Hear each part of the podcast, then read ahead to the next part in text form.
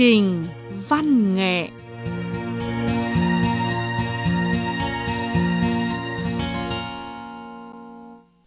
Các bạn thính giả thân mến, hoan nghênh các bạn thưởng thức chương trình văn nghệ cuối tuần trên sóng và trên mạng. Đài Phát thanh Quốc tế Trung Quốc do Ngọc Ánh thực hiện. Chúc các bạn đêm cuối tuần vui vẻ và lãng mạn.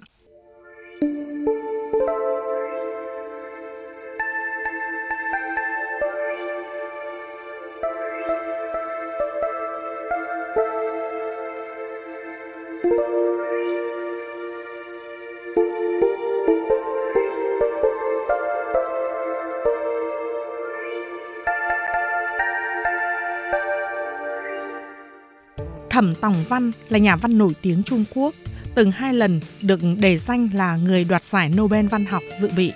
Ông Ma Duyệt Tăng, giám khảo trung thân Nobel văn học từng nói, nếu như nhà văn Thẩm Tòng Văn không qua đời vào tháng 5 năm 1988 thì thể nào ông cũng đoạt giải Nobel văn học. Các tác phẩm văn học của nhà văn Thẩm Tòng Văn như Biên Thành, Tương Tây, Tòng Văn tự truyện, vân vân có sự ảnh hưởng rất lớn ở trong và ngoài nước, được chuyển ngữ xuất bản bằng hơn 40 thứ tiếng nước ngoài như tiếng Nhật Bản, tiếng Mỹ, tiếng Anh, tiếng Nga, vân vân. Ngoài ra, nhiều bài viết của ông đã được đưa vào sách giáo khoa đại học của hơn 10 nước như Mỹ, Nhật Bản, Hàn Quốc, Anh, vân vân. Ông Thẩm Tòng Văn không những là nhà văn nổi tiếng, mà ông còn là nhà sử học và là nhà khảo cổ học nổi tiếng. Trong chương trình văn nghệ cuối tuần đêm nay, Ngọc Ánh xin giới thiệu với các bạn bài tản văn Cô đơn là thứ xa xỉ tốt nhất của nhà văn Thẩm Tòng Văn. Ngoài ra, mời các bạn thưởng thức mấy bài hát mang đề tài mùa đông. Trước hết, mời các bạn thưởng thức bài hát Hoa sen trong tuyết. Đây là bài hát trong phần cuối của bộ phim truyền hình Singapore Trại ngoại kỳ hiệp truyện. Sen trong tuyết nghĩa là hoa sen tuyết mọc trên núi Thiên Sơn vốn do nghệ sĩ nổi tiếng Đặng Lệ Quân lúc sinh thời trình bày, đã được đưa vào tập album Một tâm nguyện nho nhỏ phát hành vào tháng 6 năm 1980. Về sau, ca sĩ Vương Phi đã hát lại bài hát này để tưởng nhớ ca sĩ Đặng Lệ Quân. Đại ý lời ca của bài hát Hoa sen trong tuyết như sau. Hoa tuyết bay, biết bao yêu thương đã bay lên. Hoa tuyết bay, biết bao duyên tình đã cất cánh. Hoa sen nở ngay trong tuyết trắng biết bao hy vọng biết bao nguyện ước âm thầm đợi chờ người mình yêu. Mong rằng mối tình mãi không phai biết bao ngọt ngào biết bao nhung nhớ. Vậy mà xa cách nhau đằng đẵng tình cảm chân thành nuôi mãi trong tim.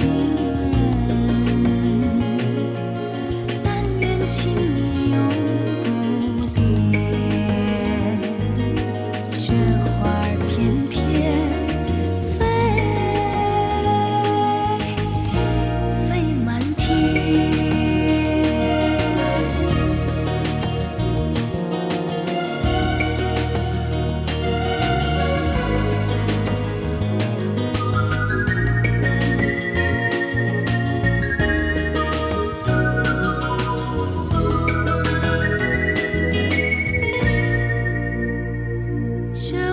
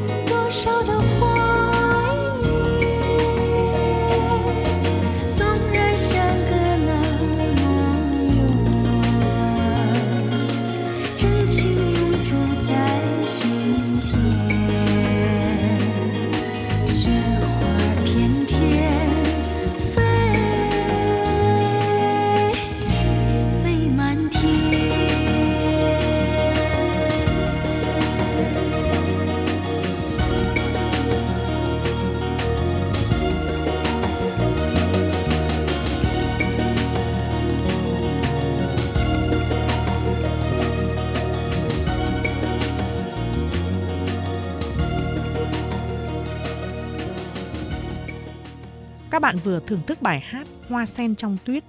Mời các bạn theo dõi tiếp văn nghệ cuối tuần trên sóng và trên mạng Đài Phát thanh Quốc tế Trung Quốc do Ngọc Ánh thực hiện. Các bạn thân mến, nhà văn Thẩm Tòng Văn sinh tại huyện Phượng Hoàng, tỉnh Hồ Nam, Trung Quốc. Năm lên 6 tuổi, vì không chịu nổi sự gò bó nghiêm ngặt của chế độ giáo dục tư thục, nên thường xuyên trốn học đi chơi. Hồi nhỏ, cậu bé Tòng Văn thích đọc những cuốn sách dày viết về nhân tình thế thái, phong cảnh non nước của miền đất Phượng Hoàng. Còn hơn là đọc những cuốn sách nhỏ trong lớp học tư thục.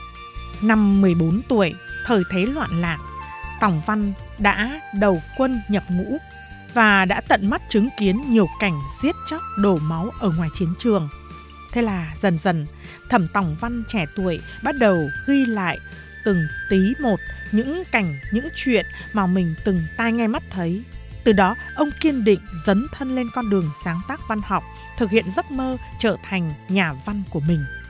Từ lâu, trong thâm tâm của nhà văn Thẩm Tòng Văn đã ngấm sâu thứ đức tính, kiên trì và bền bỉ của người dân miền đất tương Tây Hồ Nam.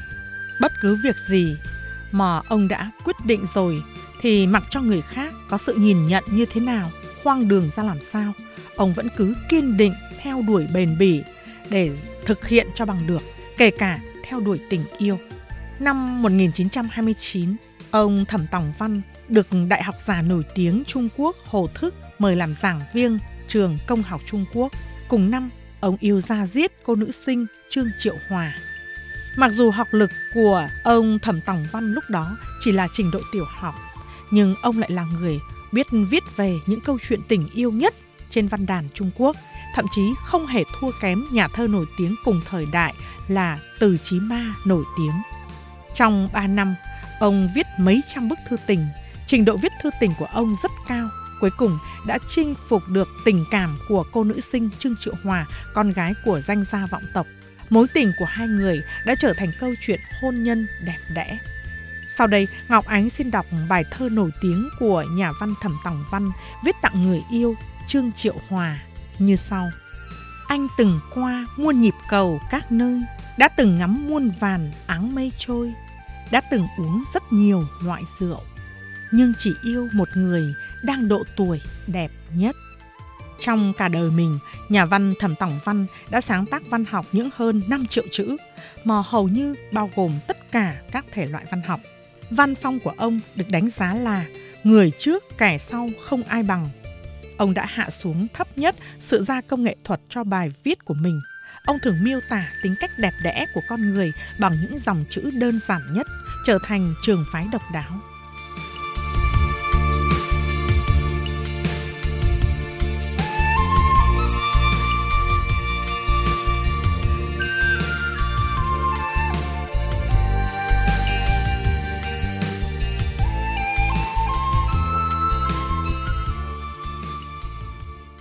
Sau đây, Ngọc Ánh xin đọc bài tản văn Cô đơn là thứ xa xỉ tốt nhất, tác giả Thẩm Tòng Văn.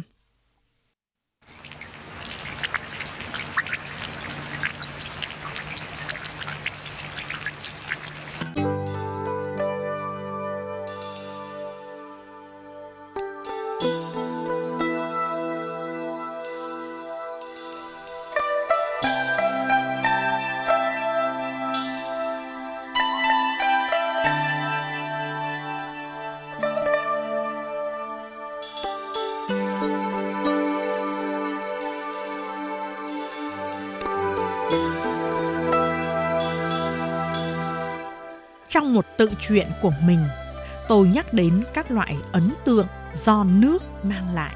Những giọt mưa chảy xuống mái nhà, rồi con suối nhỏ, biển cả rộng mông mênh đều có sự giúp đỡ to lớn đối với tôi. Tôi đã biết suy ngẫm mọi thứ bằng khối óc nho nhỏ của mình, cũng đều nhờ vào nước. Tôi có sự nhận biết sâu sắc một chút đối với vũ trụ, cũng nhờ vào nước. Cô đơn một chút vào những lúc bạn thiếu thốn mọi thứ. Bạn sẽ phát hiện thì ra bạn còn có chính bản thân mình. Đây là một câu nói rất thật. Tôi có cuộc sống và lý tưởng của chính mình đều đến từ cô đơn. Sự giáo dục của tôi cũng đều đến từ cô đơn, mà sự cô đơn đó không thể tách rời với nước. Vào tầm 6-7 tuổi, học tư thục đối với tôi mà nói quả là cái nơi không có ý nghĩa nhất. Tôi không thể nào chịu được không gian chật hẹp như vậy. Dù thế nào đi nữa cũng phải tìm cách thoát ra bên ngoài trường học cho bằng được để có thể hoạt động dưới ánh nắng chan hòa.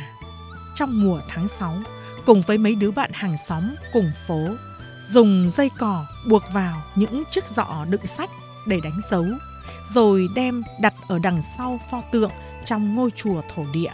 Hai tay không cùng đám bạn ra ngoại ô chơi, chui vào ruộng lúa cao gần bằng thân người, rồi chơi trò bắt châu chấu. Tuy bị nắng gắt phơi đến bỏng cả lưng, nhưng không ai để tâm. Đôi tài chỉ nghe thấy tiếng châu chấu vỗ cánh khắp trốn, dồn hết cả tâm sức vào việc chạy đuổi theo những con châu chấu màu xanh, màu vàng.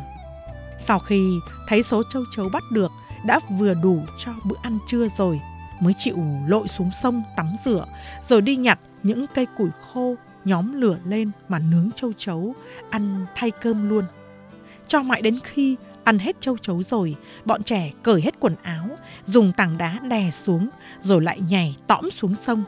Ngâm mình dưới sông thoải mái xong, mãi cho đến lúc trời tối mới chịu ra về. Rồi không tránh khỏi bị một trận đòn chí tử. Có khi nô đùa trong những thửa ruộng xanh dờn, có khi lại ngâm mình dưới nước.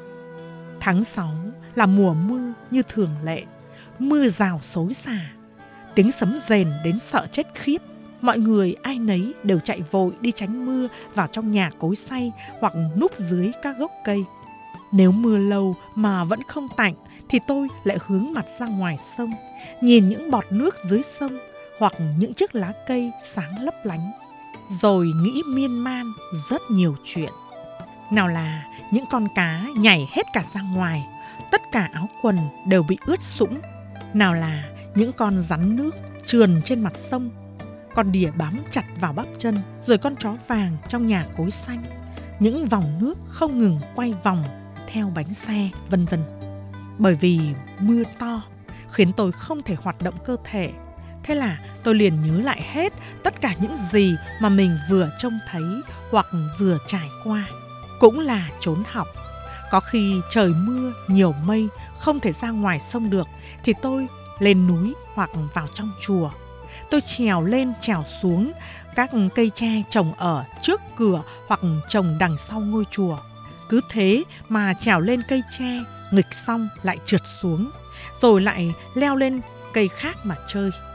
Nếu mà trèo lên cây tre thì thể nào cũng phải đu một lát đã. Nếu mà trèo lên cây lấy gỗ thì xem trên cây có tổ chim hoặc ổ chim gõ kiến đang ấp trứng hay không. Lúc mưa rất to, không thể chơi những trò đó được thì tôi lại ngồi dưới gốc cây gỗ lim hoặc ngồi trên bậc thềm trước cửa chùa để mà xem mưa. Nếu mà lúc chưa đến giờ về nhà thì vừa xem trời đổ mưa lại vừa ôn lại những trải nghiệm đã qua một cách rất tự nhiên như vậy mới có thể được giải tỏa cho cả một ngày. Mưa càng lâu thì con người càng thêm buồn tẻ. Vào mùa mưa như vậy, khi nghĩ đến mọi thứ tốt đẹp thì cũng nghĩ đến mọi thứ xấu xa. Mưa cứ to như vậy, nếu về nhà thì thể nào cũng toàn thân ướt sũng. Bất giác, cảm thấy có chút sợ sợ, không dám nghĩ tiếp nữa. Thế là tôi liền bước vào hành lang trong chùa giúp người đang làm tơ kéo sợi hoặc giúp người đang làm dây buộc bánh trưng quay dây. Tại những nơi này, ngày nào cũng có các thợ đến làm những công việc như vậy. mà các thợ làm công việc này đều là những người mà tôi quen biết. Cũng vì mưa như vậy, tôi không hề che giấu tật xấu của mình.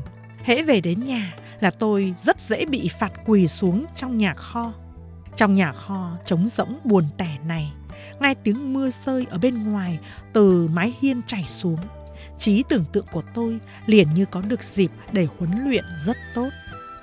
Tôi phải bổ sung sự thiếu thốn về thực phẩm của tôi bằng ký ức và bằng viễn tường để an ủi sự đau khổ của mình. Khi cảm thấy lo sợ thì tôi phải nghĩ đến những việc không làm cho mình lo sợ trong cuộc sống. Khi tôi cảm thấy cô đơn thì liền nghĩ ngay đến những chuyện vui mới cảm thấy không quá cô đơn. Sau 15 tuổi, cuộc sống của tôi không bao giờ tách rời với con sông Thần Hà. Tôi sống khoảng 5 năm trên dòng sông này. Trong quãng thời gian dài, hầu như ngày nào tôi cũng có mối quan hệ với dòng sông Thần Hà. Đi đường xa rồi thì phải ở trọ bên cây cầu hoặc bến phà. Những chuyện vui, chuyện buồn đáng khi nhớ lại từ trong ký ức đều ướt sũng nước. Ít nhất còn một phần mười thời gian của tôi đều tiêu hao trên các con thuyền xuôi trên dòng sông chính hoặc sông nhánh. Tôi đã hiểu biết bao sự đời, học biết bao kiến thức, ngắm nhìn biết bao phong cảnh trần gian, đều từ dòng chảy của con sông Thần Hà. Trí tưởng tượng của tôi được triển khai trên mặt dòng sông này. Tôi ôn lại những từng trải của mình, hoặc nên sắp xếp cuộc sống trong tương lai ra sao, đều dựa vào dòng sông này. Đã từ bao nhiêu lần, con sông Thần Hà suýt nữa nuốt chừng cả tôi. Nhưng may mà dòng chảy của nó đã giúp tôi căng buồm xuôi gió ra khơi, đến với giấc mộng xa xôi cho nên mới có thể cho tôi vẫn sống hàng ngày trên đời này một cách an lành. Chỉ 5 năm nữa là cây bút trong tay tôi có thể viết lách một cách tự do, theo như ý mình. Tuy tôi đã xa rời con sông Thần Hà, nhưng tất cả các câu chuyện dưới ngòi bút của tôi đa phần đều là những câu chuyện diễn ra bên dòng sông. Những câu chuyện mà tôi cảm thấy hài lòng trong các bài viết của mình thường lấy trên thuyền, trên sông làm bối cảnh. Tính cách các nhân vật trong các câu chuyện tôi viết đều có tính cách của những con người mà tôi từng chứng kiến trên mặt sông mạn thuyền. Bầu không khí có chút ưu sầu trong các dòng chữ của tôi là bởi chịu sự ảnh hưởng của thời tiết mây mưa ở vùng đất miền Nam cách đây 15 năm. Văn phong của tôi nếu như có chỗ nào đáng lưu ý thì đó là vì tôi quá nhớ rất nhiều lời ăn tiếng nói của những con người trên bến nước dòng sông. Năm năm sau đó, chỗ ở của tôi đã từ Bắc Kinh khô hanh chuyển đến sống bên bờ biển sáng sủa, tươi đẹp. Biển cả bao la, vô bờ bến. Sống bên bờ biển khiến ánh mắt của tôi có nhiều dịp để dõi theo cảnh đời xa hơn. Bên bờ biển buồn tẻ biết bao, đã bồi dưỡng cho tâm trạng cô đơn của tôi. Biển cả đã phóng đại tình cảm và niềm tin của tôi phóng đại cả nhân cách của tôi.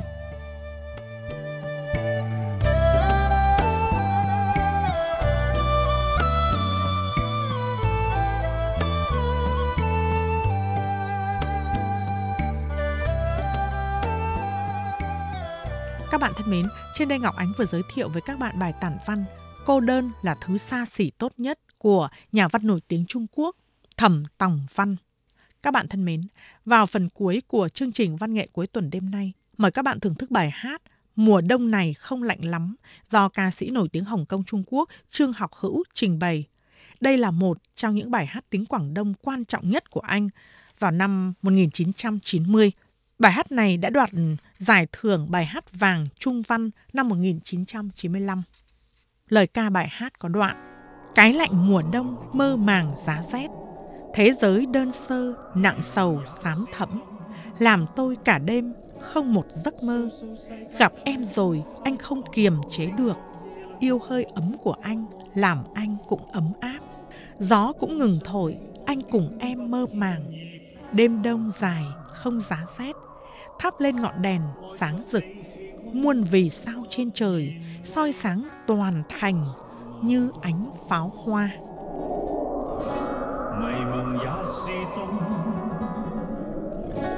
訴訴世界太灰太沉，令我夜里没有一个梦。碰上你我竟不经意不受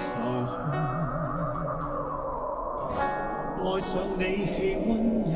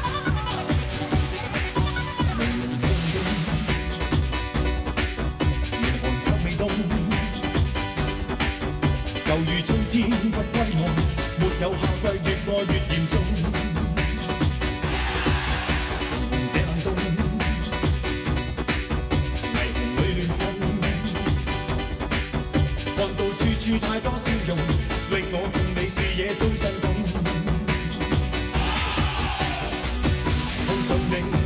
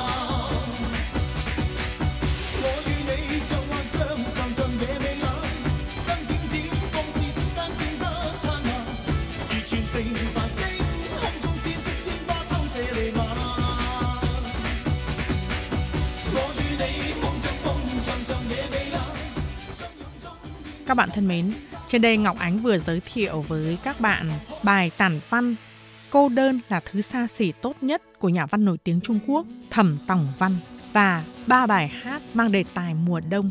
Chương trình văn nghệ cuối tuần đêm nay xin tạm khép lại ở đây. Hẹn gặp lại các bạn vào giờ này tuần tới. Hoan nghênh quý vị và các bạn truy cập và like hộp thư Ngọc Ánh trên Facebook.